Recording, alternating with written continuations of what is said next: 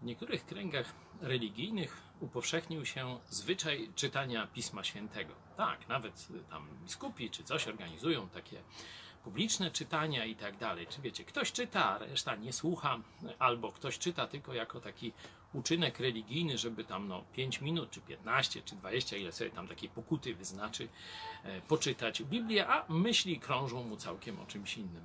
Coś takiego znajdujemy w Ewangelii Mateusza w 16 rozdziale.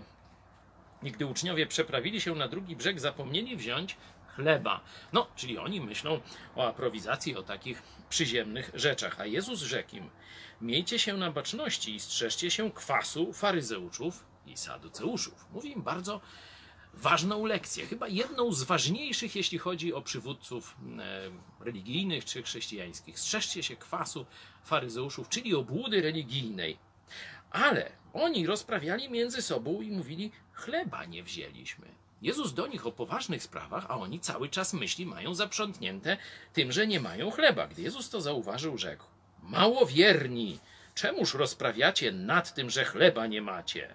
Jeszcze nie rozumiecie ani nie pamiętacie tych pięciu chlebów czy pięciu tysięcy i ile koszów zebraliście? Mówi o rozmnożeniu chleba. Zobaczcie, ja wam mówię o poważnych sprawach, a wy pierdołami się zajmujecie, pierdołami się martwicie. No opieprza tych swoich uczniów i nazywa ich ludźmi małej wiary.